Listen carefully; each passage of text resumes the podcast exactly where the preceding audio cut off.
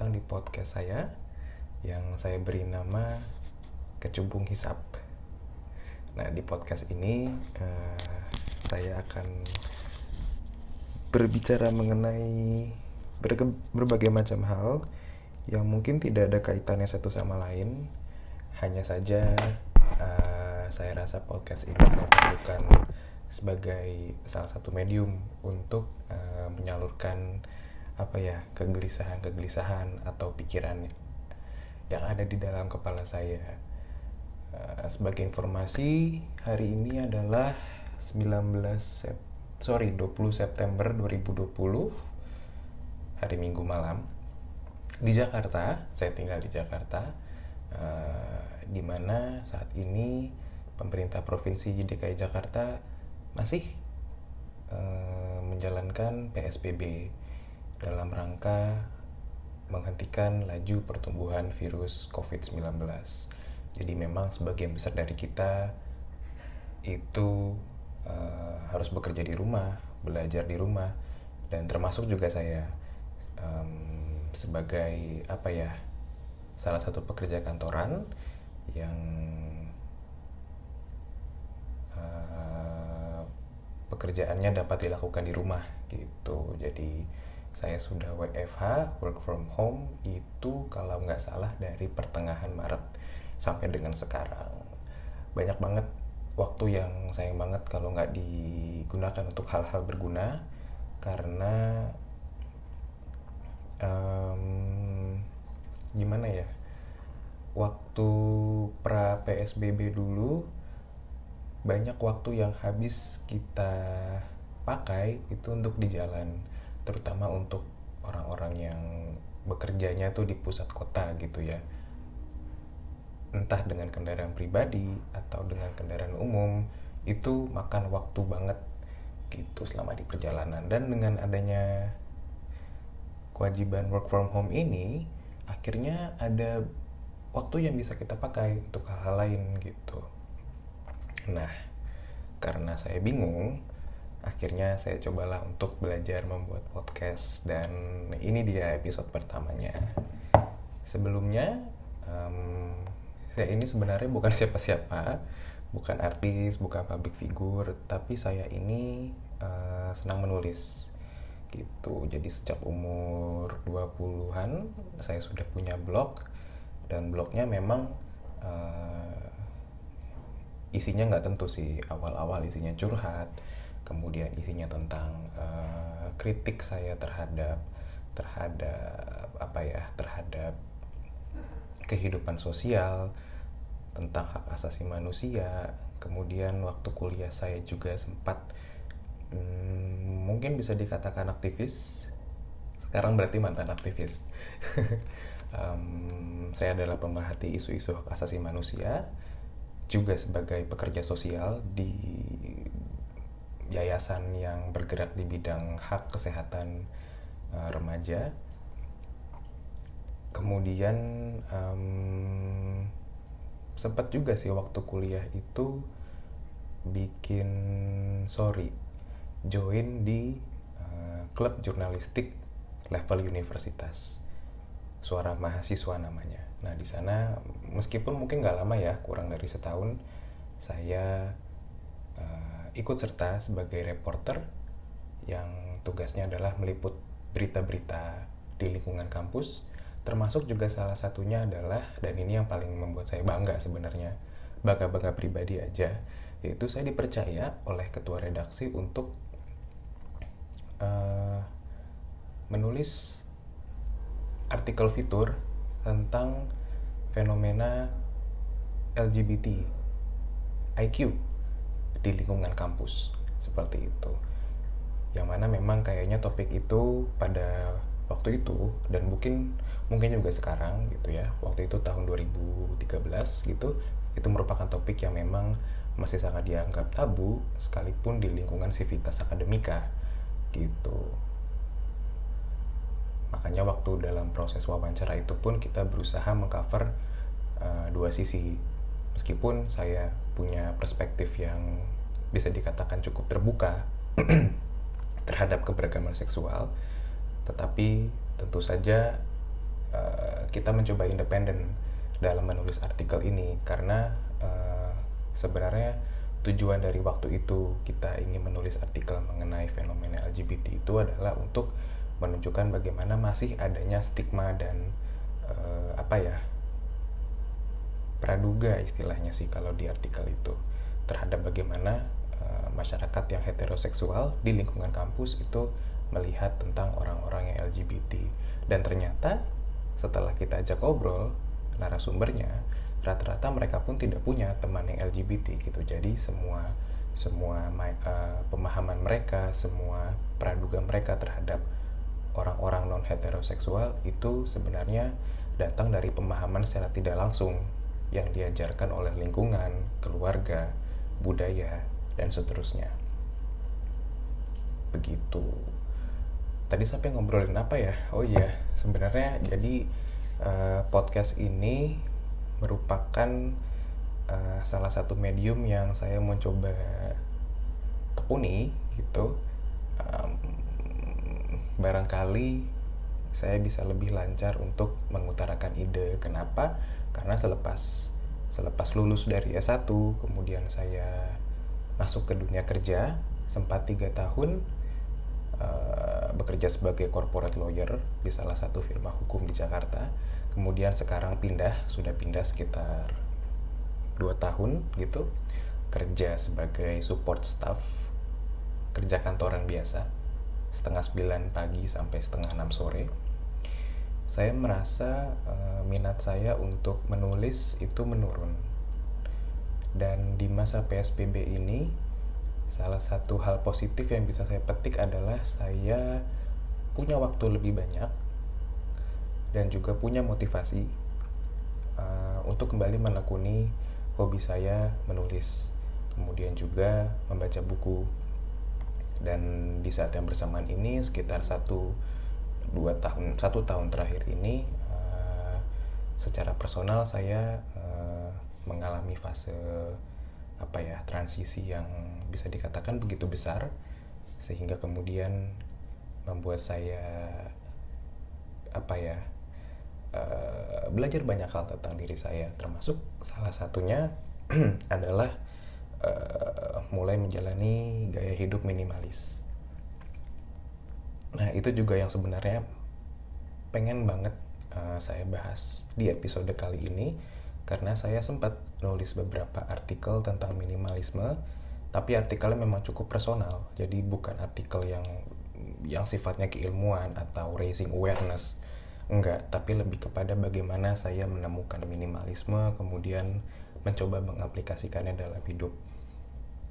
Saya sempat tulis artikel-artikel tersebut di blog saya tapi memang blognya sepertinya sih tidak ada readersnya juga gitu karena memang juga uh, tujuan saya menulis ini sebenarnya bukan untuk bukan untuk apa menyebar bukan untuk dipublikasikan atau dikenalkan secara umum tapi lebih kepada mencoba untuk kembali membiasakan menulis. Nah, kebetulan topik yang sedang saya tekuni saat ini adalah mengenai minimalisme. Gitu. Ada lagi mengenai uh, yang pengen saya bahas nih sebelum kita masuk ke topik adalah nama dari podcast ini sendiri. Jadi, podcast ini saya namai Kecubung Hisap. Nah, kenapa namanya Kecubung Hisap? Sebenarnya uh, ini cukup random. Uh, dan saya coba cari-cari kaitan filosofisnya dengan tujuan podcast ini sebenarnya nggak terlalu ada juga cuma menurut saya menarik karena sekitar 15 tahun lalu waktu saya masih kecil itu kami sekeluarga sedang jalan-jalan ke puncak dan kebetulan asisten rumah tangga saya juga ikut untuk ngurusin saya yang masih kecil kan dan adik-adik kemudian nah di puncak itu di villa gitu Eh, tiba-tiba heboh nih gitu. Ternyata si mbak saya ini katanya kesurupan tapi setelah di di apa ya setelah di diperiksa eh apa sih setelah dicek lagi ternyata sebenarnya bukan kesurupan tapi sebenarnya dia itu mabok atau high. Kenapa bisa high? Ternyata dia mencoba untuk menghisap bunga kecubung. Nah bagi yang belum tahu bunga kecubung atau yang biasanya kita sebut bunga trompet itu sebenarnya punya apa ya punya kandungan kandungan aduh takut salah ngomong sih tapi kalau nggak salah punya kandungan halusinogen gitu. Jadi bisa juga dipakai untuk uh, rekreasional untuk high gitu. Nah nggak tahu gimana ceritanya si mbak ini bisa punya ide seperti itu entah dia tahu dari mana sehingga akhirnya dia coba untuk menghisap si kelopak bunga kecubung itu. Entah dihisap entah dikunyah sebenarnya cuma yang saya ingat dihisap sama dia akhirnya sampai dia jadi high. Nah sejak saat itu saya kalau lihat atau mendengar mengenai bunga kecubung itu tuh saya langsung ingat diasosiasikan bahwa bunga kecubung itu kalau dihisap bisa bikin mabuk gitu. Makanya istilah kecubung hisap itu melekat banget di masa kecil saya dan uh, ya sampai sekarang juga kadang-kadang teringat dan menjadi lucu gitu. Karena ternyata pengetahuan ini juga nggak banyak yang tahu gitu. Bahkan kalau mungkin waktu itu si mbak nggak nyoba itu juga kita nggak akan tahu gitu. Jadi itu mengenai kecubung hisap. Nah sekarang sebenarnya episode ini saya ingin uh, membacakan nih mengenai artikel pertama yang sudah saya bikin waktu itu di blog saya. Artikel ini sebenarnya ditulis bulan Desember 2019, jadi cukup lama dan saya rasa udah ada beberapa hal yang uh, berubah gitu. Jadi saya nggak akan baca plek-plekan, tapi mungkin uh, saya baca dan kemudian saya bahas bagaimana uh, refleksinya terhadap saya setelah sekitar 9 bulan kemudian ini ya. Karena dari Desember 2019 sekarang udah September 2020 gitu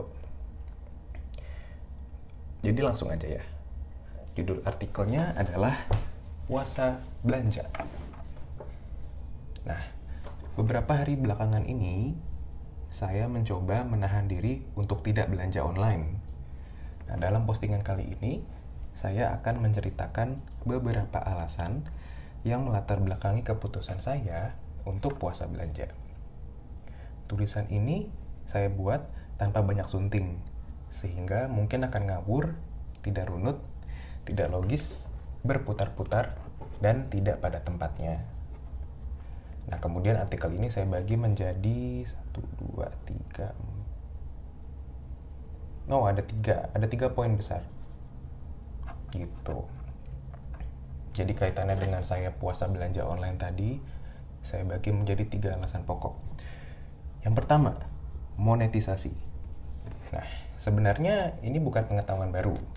Kita semua tentu tahu bahwa hampir semua hal yang kita lakukan di dunia maya adalah berkah dari e, berkah bagi penambang data, data miner. Terutama apabila kita adalah pengguna layanan di, di situs dan atau aplikasi gratisan seperti Google, YouTube, Instagram, marketplace online, dan sebagainya. Uh, mungkin teman-teman pernah ya waktu itu misalnya lagi pengen ah gue pengen uh, lihat-lihat harga sepeda nih di marketplace online gitu ya. Tokopedia misalnya. Kemudian teman-teman cari tuh harga sepeda apa sepeda dijual berapa juta berapa ratus ribu gitu ya di Tokopedia.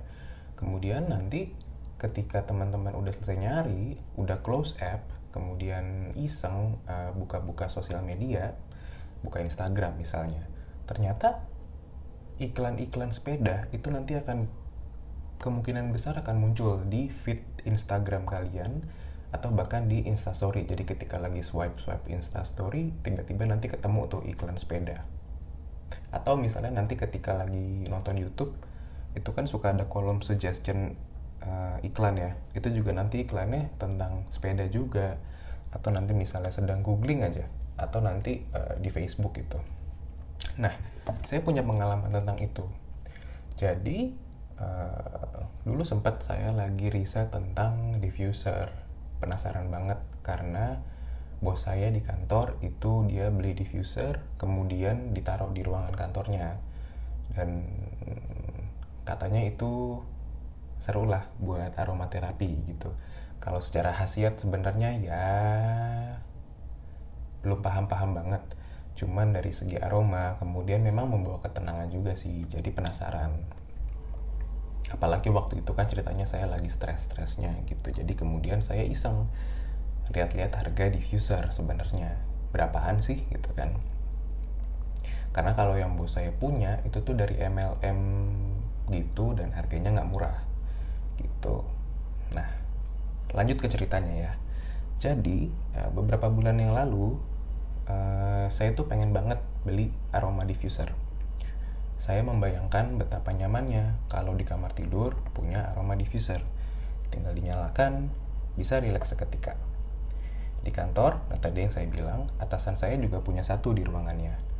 Sehingga saya jadi tahu oh aroma diffuser itu seperti itu oh essential oil itu seperti itu. Oh harganya nggak murah dan sebagainya. Nah malam-malam di atas kasur itu saya habiskan untuk berselancar di internet mencari tahu macam-macam bentuk dan harga aroma diffuser. Dimulai dari sinilah saya mulai sadar. Hanya dalam hitungan menit setelah saya mengetik diffuser di mesin pencari Google dan di pasar online seperti Tokopedia, Shopee, dan sebagainya. Kemudian semua iklan yang muncul di Instagram saya adalah tentang aroma diffuser dan essential oil. Memang di satu sisi saya jadi tahu bahwa ternyata pasar essential oil atau bahasa Indonesianya minyak atsiri itu di Indonesia sudah membumi banget dan begitu beragam. Juga pilihan aroma diffuser ternyata sangat bermacam-macam. Dari yang bisa nyala 9 warna, sampai yang bentuknya seperti burung hantu. Dari yang bermerek, sampai yang satu desain tapi punya banyak merek. Dari yang harganya Rp90.000 sampai 3 juta rupiah. Tapi di sisi lain, saya tuh jadi kesel sendiri. Begitu mudahnya, kata kunci yang kita ketik itu akan menjadi dagangan bagi penambang data dan dijual ke para pengiklan.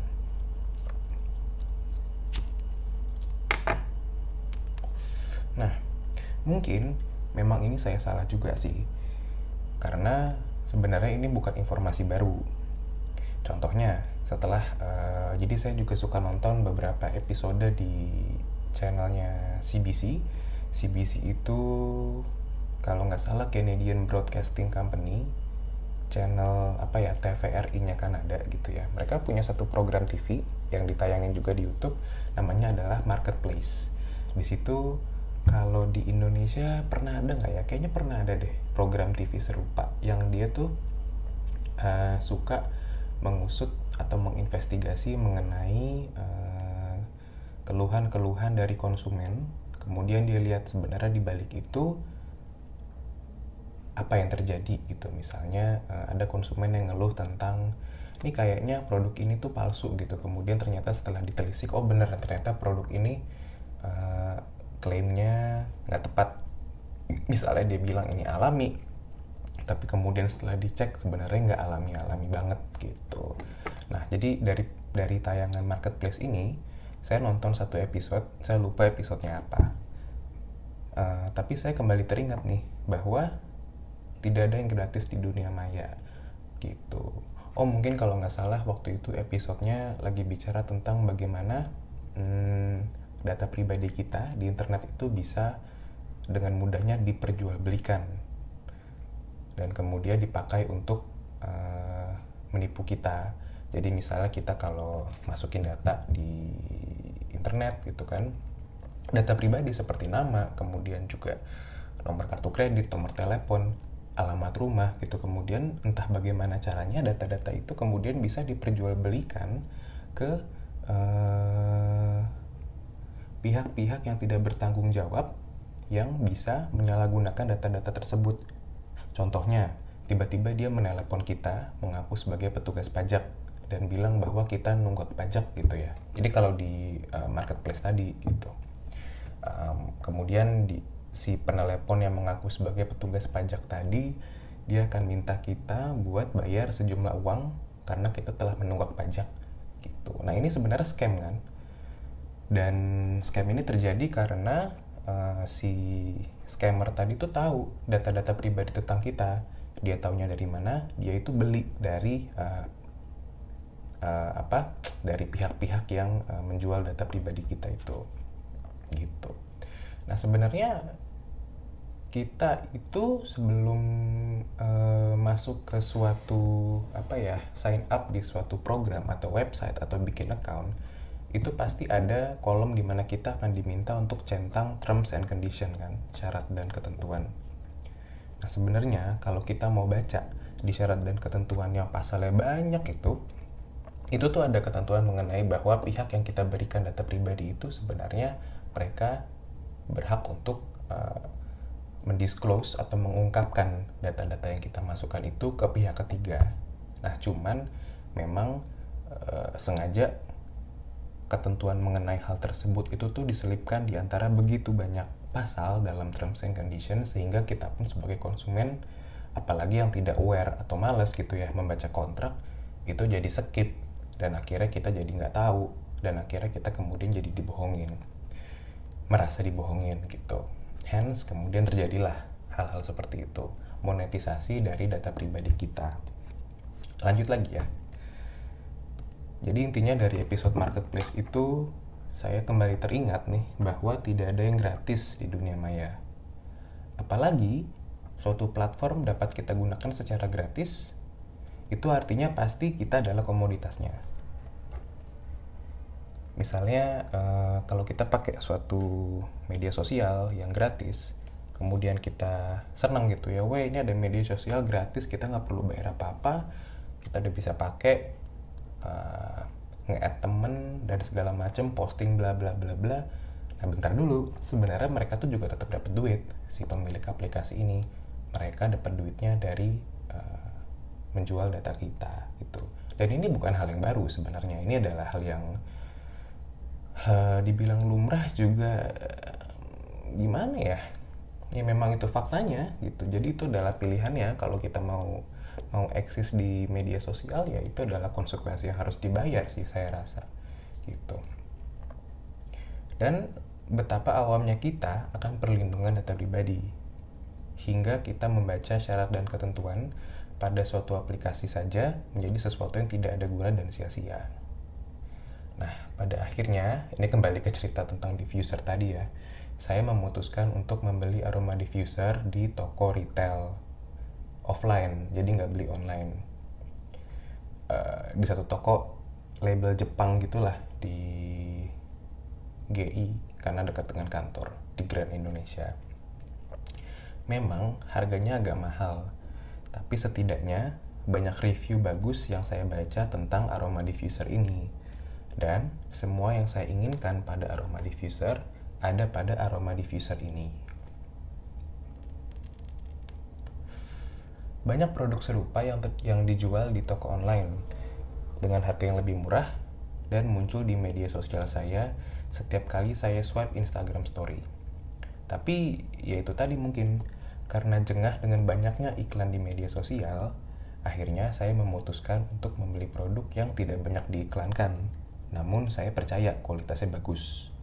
Nah sejauh ini nggak ada penyesalan sih. Ini artikel saya tulis tahun mm, bulan Desember 2019. Nah sampai dengan hari ini bulan September 2020 pun diffusernya masih bekerja dengan baik, jadi masih valid. Sejauh ini tidak ada penyesalan beli diffuser itu. Diffusernya uh, Muji, waktu itu harga belinya memang mahal, 999 ribu kalau nggak salah dan tapi saya suka bentuknya dan dia punya lampu yang gak neko-neko karena warnanya cuma kuning. Um, tapi kalau nggak salah sekarang untuk bentuk desain diffuser yang seperti di Muji itu di beberapa toko online yang official yang lokal punya itu juga udah ada dan bentuknya mirip dan harganya lebih murah. Nggak tahu gimana kualitasnya cuman kalau misalnya waktu itu saya lihat yang di Tokopedia misalnya si akun lokal ini jual diffuser yang seperti itu sih saya akan beli gitu. Karena bentuknya mirip dengan Muji anyway nah ini pelajarannya nih yang dapat saya ambil dari pengalaman ini kita sudah kadung menjadi komoditas dalam jual beli data di internet adalah tidak mungkin untuk mencoba menghapus iklan satu persatu. Karena saya pernah coba, tapi akhirnya capek sendiri. Kan bisa tuh di Instagram kita ketika lihat iklan kemudian kita uh, klik opsi untuk uh, sembunyikan iklan ini atau blokir iklan ini segala macam. Tapi itu kan harus dilakukan satu-satu.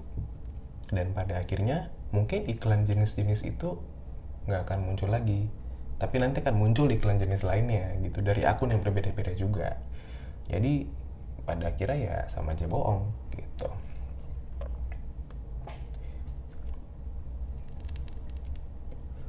Jadi ya sampai dengan saya menemukan cara terbaik untuk menghindari monetisasi data dan mungkin tidak bergantung sepenuhnya kepada internet, saya harus terima fakta nih bahwa apa pun yang kita cari di internet akan muncul dalam bentuk iklan-iklan di media sosial kita. Gitu.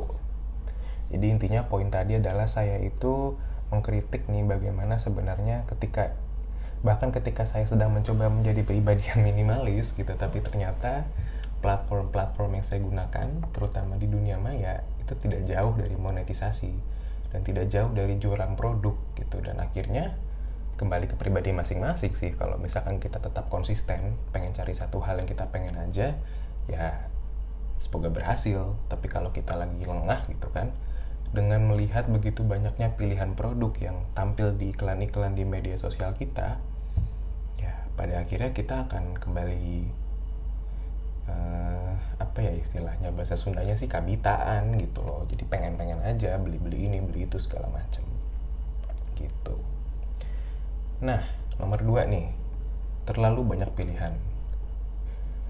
Jadi berawal dari ketertarikan saya terhadap buah lerak sebagai alternatif sabun konvensional YouTube dan Google Search Result saya membawa saya berkelana sampai mengetahui berbagai macam jenis produk sabun ramah lingkungan.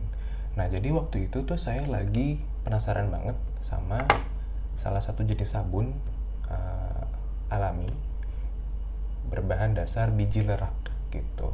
Jadi um, ini kayaknya asalnya dari India deh, tapi di Indonesia pun kita juga punya biji lerak biji lerak ini biasanya dipakai untuk uh, mencuci kain ya, terutama kain batik kalau di Jawa. Jadi bijinya itu direbus sampai kemudian isinya terekstraksi itu, kemudian nanti airnya itu ditiriskan lalu bisa dipakai untuk mencuci lerak, eh mencuci kain batik gitu ya, karena uh, katanya diyakini air lerak itu bisa uh, membuat warna kain batik itu tidak mudah uh, apa tidak mudah pudar kayak gitu tapi ternyata kegunaan larak ini juga macam-macam nggak cuman untuk mencuci pakaian atau mencuci kain tapi juga bisa untuk menjadi alternatif sampo alternatif sabun mandi bahkan gitu nah tapi September Desember 2019 itu ternyata di produk-produk lokal kita itu belum ada yang memang menjual sabun batangan berbahan dasar lerak. Jadi mau nggak mau saya harus cari biji lerak aslinya sendiri untuk saya olah gitu. Makanya kemudian saya cari tuh. Tapi dari berangkat dari penasaran terkait dengan sabun lerak itu, saya akhirnya jadi tahu bahwa ada banyak alternatif pilihan sabun yang ramah lingkungan juga gitu. Nah, salah satunya adalah Castile Soap atau sabun yang berbahan dasar uh, minyak zaitun dan atau minyak kelapa gitu ya. Adalah mereknya, merek dari Amerika yang cukup terkenal karena dia mengusung uh, ramah lingkungan tadi dan dia merupakan produk Castile Soap. Ada juga yang buatan lokal. Lalu ada juga sabun-sabun batangan organik buatan lokal yang lagi berkeliaran bebas sebagai iklan di media sosial. Nah, karena begitu banyaknya pilihan, begitu banyak merek lokal yang belum pernah saya dengar sebelumnya, tiba-tiba muncul dan menarik hati gitu kan. Awalnya senang karena menemukan banyak produk sabun lokal yang sudah memerhatikan aspek lingkungan dan kesehatan. Tapi lama-lama saya bingung sendiri. Mau beli yang mana nih? Sementara semua merek itu punya cara sedemikian rupa yang menampilkan bahwa produknya begitu ramah lingkungan dan juga uh, to some extent gitu ya mewah gitu. Maksudnya wow. Uh, ini pangsa pasarnya memang buat kelas menengah ke atas gitu. Karena dari segi packagingnya dari segi namanya dari segi uh, distribusinya itu memang lebih banyak sabun-sabun yang tanda kutip nggak tanda kutip sih sabun-sabun yang uh, berkategori ramah lingkungan ini dijual di kota-kota besar gitu dan harganya pun serupa gitu ya. Serupa mahalnya. Nah nggak tahu deh apakah kualitasnya juga dapat menyamai Castile Soap yang dari Amerika tadi? Karena Castile Soap yang dari Amerika ini yang saya tahu dia multiguna banget gitu. Dia nggak hanya bisa dipakai untuk sabun mandi tapi dia juga bisa dipakai untuk uh, apa ya 13 kegunaan lainnya kata dia kalau nggak salah. Jadi bisa buat sabun mandi bisa buat sikat uh, pasta gigi bisa buat sampo bisa buat bersihin baju bersihin lantai mandiin apa jadi sabun sabun mandinya hewan peliharaan dan sebagainya gitu. Nah dikarenakan tidak ada habis-habisnya pilihan saya memutuskan untuk tidak membeli sabun apa pun. Untuk saat ini saya udah terlanjur punya satu kilogram biji lerak yang saya beli di Tokopedia ada namanya toko Eco Store. Waktu itu saya beli tuh biji lerak satu kilo. Gitu. Sejauh ini sih tidak menyesal. Karena hanya dengan mengeluarkan sekitar 40 ribu rupiah sampai dengan 60 ribu rupiah kalau nggak salah saya sudah punya bahan baku untuk membuat deterjen baju uh, kemudian sampo sabun mandi dan cairan pel lantai sangat multiguna. Nah ini uh, itu kan Desember 2019 ya. Saya bilang uh, tidak menyesal sama sekali gitu. Tapi seiring dicoba terus sebagai orang yang memang punya kesibukan lain gitu ya memang membuat sabun lerak itu sangat makan waktu gitu loh. Dan akhirnya saya udah nggak pakai sabun lerak lagi sih. Cuman memang sabun lerak itu di kulit gitu sebagai sabun mandi saya rasakan memang oke okay sih. Maksudnya dia cocok untuk kulit sensitif karena dia tidak mengandung bahan-bahan yang sintetis gitu kan. Tapi memang efek membersihkannya ya tentu kurang dibandingkan dengan sabun-sabun sintetis gitu. Tapi memang uh, biji lerak ini punya kandungan saponin juga. Jadi itu sama extent dia bisa meng menghasilkan busa gitu. Dan dia memang baunya agak-agak nggak berbau dan atau asam ya. Jadi bagi bagi orang yang baru pertama kali coba biji lerak sebagai alat pembersih itu agak kaget sih karena baunya nggak kayak produk-produk pembersih, nggak kayak wangi atau steril atau gimana gitu. Aromanya tuh seperti seperti kacang sih kalau saya bilang. Gitu. nah, namun memang karena saya harus membuat sabun sendiri dari nol, nah ada waktu, energi dan biaya tambahan yang harus saya kerahkan menyisikan waktu sekitar 1 sampai 2 jam untuk mengolah biji lerak menjadi sabun cair sekitar 1 liter gitu dengan teknik peras memeras manual agar sarinya bisa keluar semua dan menggunakan gas LPG untuk merebus lerak sampai mendidih. Nah itu mungkin saya perlu membuat postingan khusus nih saya bilang waktu itu tentang pengalaman saya menggunakan biji lerak tapi ya memang kalau disimpulkan kita harus pakai kompor kan untuk ngerebus biji leraknya. Itu udah gas sendiri. Kemudian menunggu itu mendidih lalu ditiriskan ditunggu sampai airnya tidak panas lagi gitu sehingga bisa dipakai itu bisa sekitar 1 sampai satu setengah jam sendiri.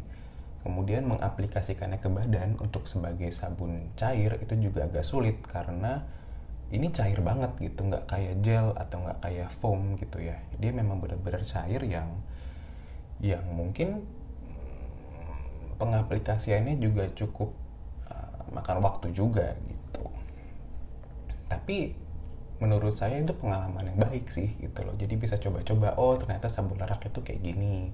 Oh ternyata kalau bikin sabun lerak sendiri itu bisa buat ngebersihin cuman memang prosesnya panjang banget gitu. Nah sekarang kalau saya nggak salah itu beberapa merek lokal memang bukan merek mainstream ya beberapa merek lokal di Tokopedia atau di media sosial itu sudah mulai menjual sabun lerap versi sabun batang gitu. Ada yang bisa buat cuci piring, ada juga versi yang bisa buat sabun mandi. Gitu. Saya belum pernah coba, tapi menurut saya itu progres yang begitu pesat ya, karena itu saya tahunya sekitar 2 atau tiga bulan lalu gitu bayangkan ketika saya menulis artikel ini sekitar 9 bulan yang lalu itu belum per, belum ada tuh produk itu gitu. Jadi keren banget inovasinya. Nah kembali ke gagasan utama. Terlalu banyak pilihan. Masa saya perlu coba satu persatu?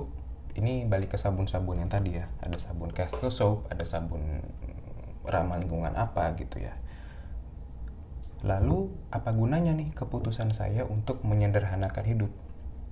Karena semakin saya riset, semakin banyak waktu yang terpakai hanya untuk mengetahui macam-macam merek yang menjual produk nyaris serupa. Ini sih sebenarnya bukan hal buruk di satu sisi. Ini adalah referensi bagi saya. Namun, kembali teringat bahwa saya ini ingin hidup yang lebih sederhana. Menurut saya, Berlarut-larut dalam menentukan pilihan adalah salah satu sifat buruk yang perlu saya kurangi. Saya tahu apa yang saya mau, dan saya juga tahu kapan saya harus mencukupinya. Ya ini maksudnya adalah mencukupi arus informasi yang masuk ke kepala gitu. Jadi um, sebenarnya tujuan saya untuk mendalami minimalisme ini juga adalah salah satunya supaya saya bisa mengurangi uh, waktu saya untuk main HP gitu sih. Nah, untuk saat ini saya putuskan untuk tetap menggunakan biji lerak sebagai sabun sampai dia habis. Waktu itu saya bilang gitu. Lalu mungkin saya juga akan beralih pakai Castle Soap dari yang dari Amerika tadi yang saya bilang dengan pertimbangan bahwa sabun ini dikenal memiliki kualitas yang baik dan saya juga suka dengan filosofi pendirinya. Namun, melihat harganya yang tidak murah karena harganya itu um, setengah aduh lupa deh sekitar satu liter sabun nggak ya satu liter Castle Soap yang Amerika ini di Indonesia udah ada toko resminya itu harganya sekitar 400 ribu kalau nggak salah. Kalau nggak salah ya. Nah itu dia. Melihat harganya yang tidak murah dan bahwa sabun ini diimpor dari Amerika Serikat, saya perlu banyak berpikir lagi nih untuk memutuskan apakah saya akan menjatuhkan pilihan pada produk yang tidak menguntungkan produsen lokal dan telah membuat begitu banyak jejak karbon karena diimpor dari Amerika Serikat. Pilihan lainnya adalah Castle Soap lokal. Ada beberapa merek dan kesemuanya memiliki harga di bawah Castle Soap Amerika tadi namun kualitasnya juga saya belum paham betul. Nah, lama-lama memikirkan ini, saya jadi kesal dengan diri sendiri. Mengapa begitu ribet? Nah, paham kan kenapa saya sedang kenapa saya kadang suka lelah dengan jalan pikiran saya sendiri gitu. Nah, ini poin ketiga nih, poin terakhir. Komodifikasi. Bermula dari keinginan saya untuk menata ulang hidup, saya kembali belajar tentang gagasan di balik merapikan dan mengurangi barang-barang atau istilah Inggrisnya adalah decluttering gitu ya. Penelusuran lebih lanjut membawa saya mendalami konsep minimalisme yang selama ini saya pahami sebagai salah satu estetika dalam arsitektur. Ternyata minimalisme itu juga memiliki gagasan yang lebih dari satu Minimalisme saat ini juga dimaknai sebagai jalan hidup, sebuah gerakan menyederhanakan hidup kembali kepada hal-hal yang esensial pada kehidupan kita. Nah, berbagai macam jenis aliran minimalisme itu saya temui di internet. Mulai dari yang ekstrim, seperti yang dijalani oleh pemilik channel YouTube Heal Your Living, uh, Yuh Yuhun namanya gitu kalau nggak salah sampai dengan yang memaknai minimalisme sebagai estetika dalam mendekorasi kamar tidur, terutama dengan membeli perabotan dari IKEA. Gitu. Jadi waktu saya uh, sedang mendalami tentang minimalisme itu saya melihat begitu banyak jenis-jenis uh, apa ya istilahnya bagaimana orang menafsirkan minimalisme. ada yang menafsirkan minimalisme pada tataran arsitektur atau tataran interior design. Jadi rumahnya atau kamar tidurnya itu didekorasi sedemikian rupa sehingga mengikuti uh, visual yang minimalis gitu ya. Furniturnya minimalis, kemudian warna-warnanya minimalis gitu. Mostly beli furniturnya di IKEA gitu ada juga yang memaknai minimalisme itu sebagai jalan hidup. Jadi lebih daripada visual semata gitu loh. Tapi juga masuk ke ranah-ranah tentang bagaimana dia mengambil keputusan dalam hidup. Misalnya um, cara dia bepergian, dia harus seminimal mungkin mengeluarkan jejak karbon. Kemudian juga cara dia mengelola keuangan, cara dia untuk belanja gitu ya beli bahan-bahan makanan cara dia menentukan kapan dia mau beli baju kemudian juga cara dia uh, menentukan uh, rutinitasnya sehari-hari gitu loh. Sampai banyak banget deh konsep yang saya pelajari. Ada juga dan yang saya tertarik adalah bagaimana minimalisme itu dapat membuat kita untuk hidup lebih pelan-pelan. Terutama memang konsep hidup yang lebih pelan-pelan ini menurut saya sangat dibutuhkan buat orang-orang yang hidup di kota besar yang dituntut untuk selalu cepat cepat cepat cepat gitu kan ada kalanya kita juga perlu uh, mundur sebentar diam sebentar kemudian untuk uh, melihat lagi nih lingkungan kita melihat lagi ke dalam diri kita begitu untuk kemudian kita uh, dengan penuh kesadaran mengambil kendali atas tindakan-tindakan kita gitu. Jadi tidak hanya karena semata-mata butuh cepat aja nih kita bergerak gitu loh, tapi karena memang kita ini sadar akan apa yang kita lakukan. Dan kadang-kadang untuk bisa mencapai pada kesadaran itu ya kita perlu ambil momen sebentar untuk diem dan untuk melakukan segala halnya dengan uh, perlahan-lahan gitu. Menariknya di situ. Berbagai macam jenis oh, itu tadi udah oleh karena penelusuran saya ini saya lanjutin ya oleh karena penelusuran saya ini media sosial saya turut dibombardir oleh ratusan iklan toko furnitur lokal dan luar negeri yang menjual furnitur ala Skandinavia. Nah, lebih jauh lagi, pendalaman saya mengenai makna minimalisme membawa saya pada konsep keberlanjutan atau sustainability. Waktu saya masih bekerja sebagai corporate lawyer, istilah sustainability saya pahami waktu itu erat kaitannya dengan hal-hal besar seperti proyek pembangkit listrik tenaga angin, tenaga sampah, tenaga matahari, dan tenaga air. Namun, dalam penelusuran saya di sini, sustainability dimaknai sebagai gaya hidup yang beririsan dengan minimalisme. Nah, ini masuk akal juga sebenarnya. Karena seseorang yang hidup dengan tanpa berlebih-lebihan, kemungkinan besar juga tidak suka menghasilkan sampah yang berlebih. Oleh karenanya, mereka akan memilih produk-produk yang berkelanjutan dan ramah lingkungan.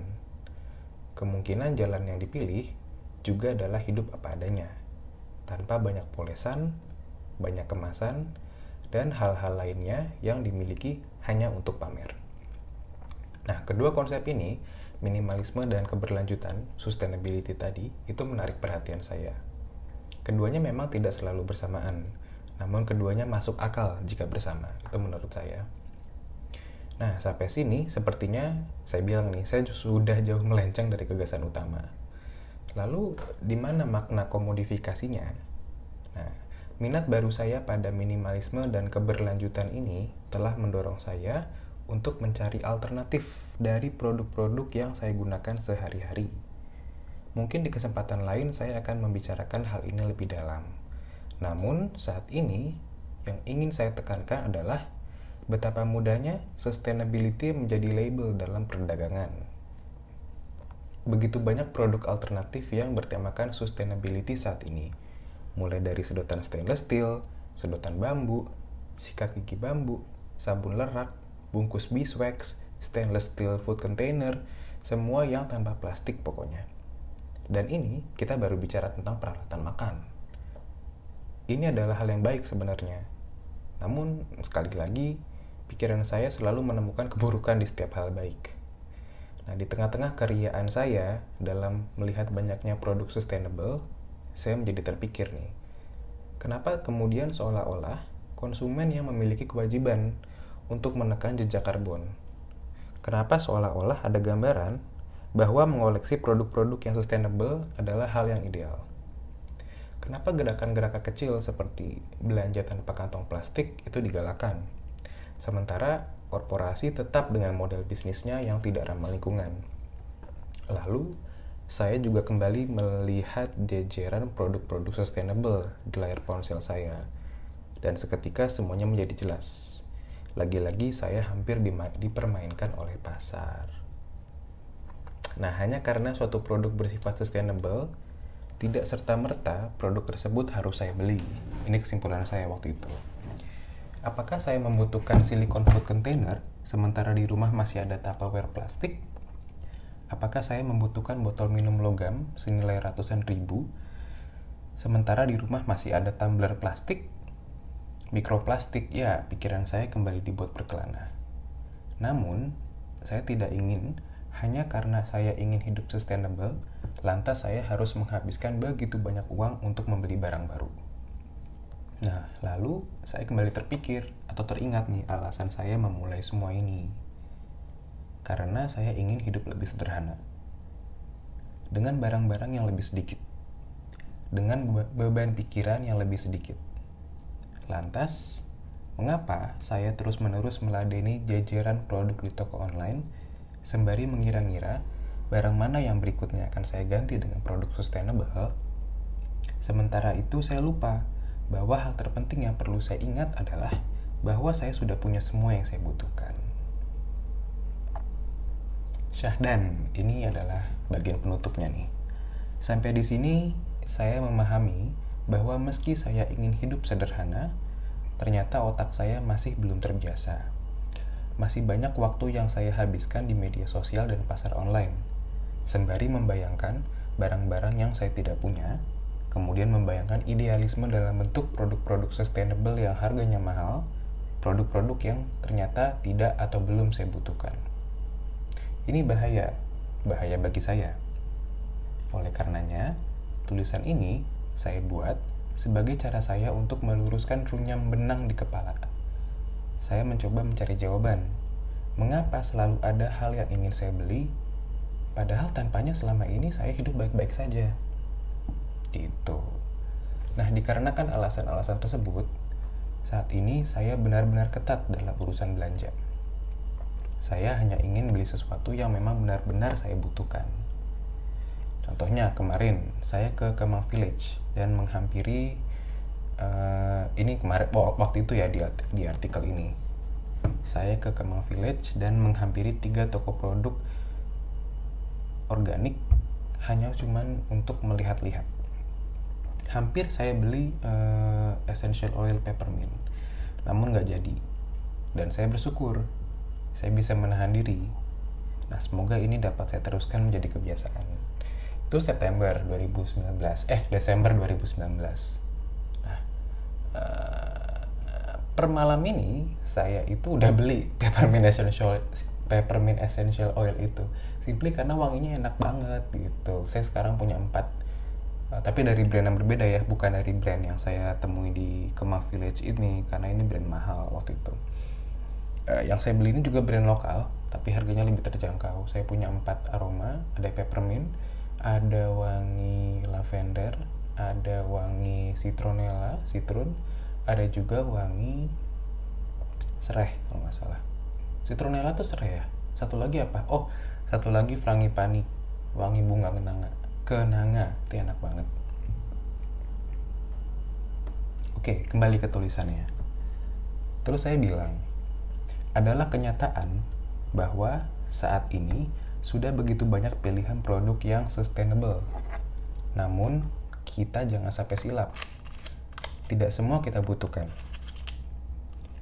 membeli produk sustainable padahal di rumah kita ada produk serupa yang masih berfungsi dengan baik itu pada hakikatnya mengingkari makna dari sustainability itu sendiri.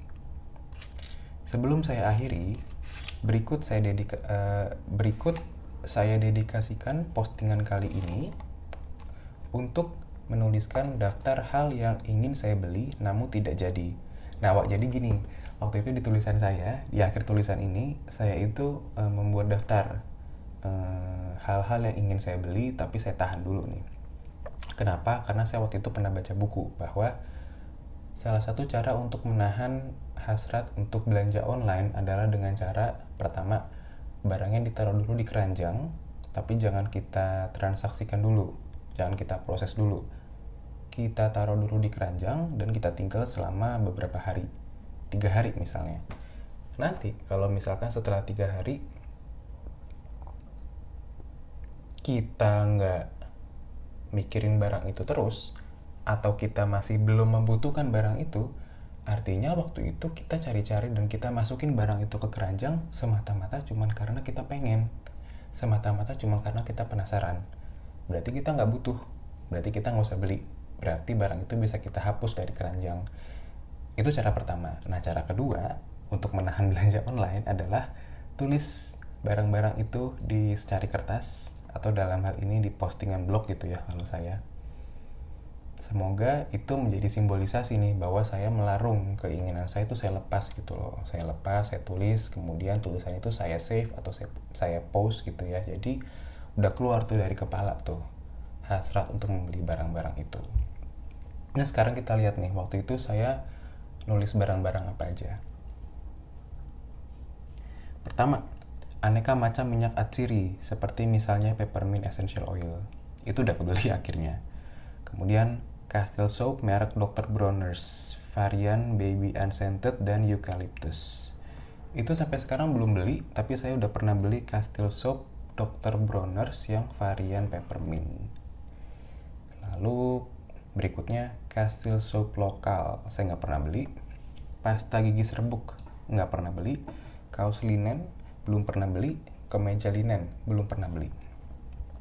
Semoga dengan menuliskan daftar belanja di atas, saya dapat berhenti memikirkan mereka. Biarlah tulisan ini melarung semua hasrat Biarlah tulisan ini melarung semua hasrat saya akan materi. Kepemilikan yang belum tentu menjadi saya perlukan dan membawa kebahagiaan. Terima kasih. Jadi gitu waktu itu tulisan saya. Oke, okay, um, harusnya itu aja sebenarnya yang ingin saya sampaikan dari episode kali ini. Gak tahu juga bagaimana episode ini nanti akan keluar sebagai podcast, tapi uh, mudah-mudahan mudah-mudahan episode ini bisa menjadi sesuatu yang bermakna bagi siapa pun yang mendengar kalaupun ada yang mendengar terima kasih um, dan mudah-mudahan uh, bisa ada episode-episode selanjutnya. Demikian dari saya Lintang Waluku. Apabila ada pertanyaan uh, mungkin bisa kirim email kali ya ke jakarta simulakra at gmail.com atau ke gmail.com nggak tahu deh nanti saya taruh salah satu dari dua alamat email itu di profil saya. Gitu. Terima kasih dan selamat beristirahat. Dadah. thank you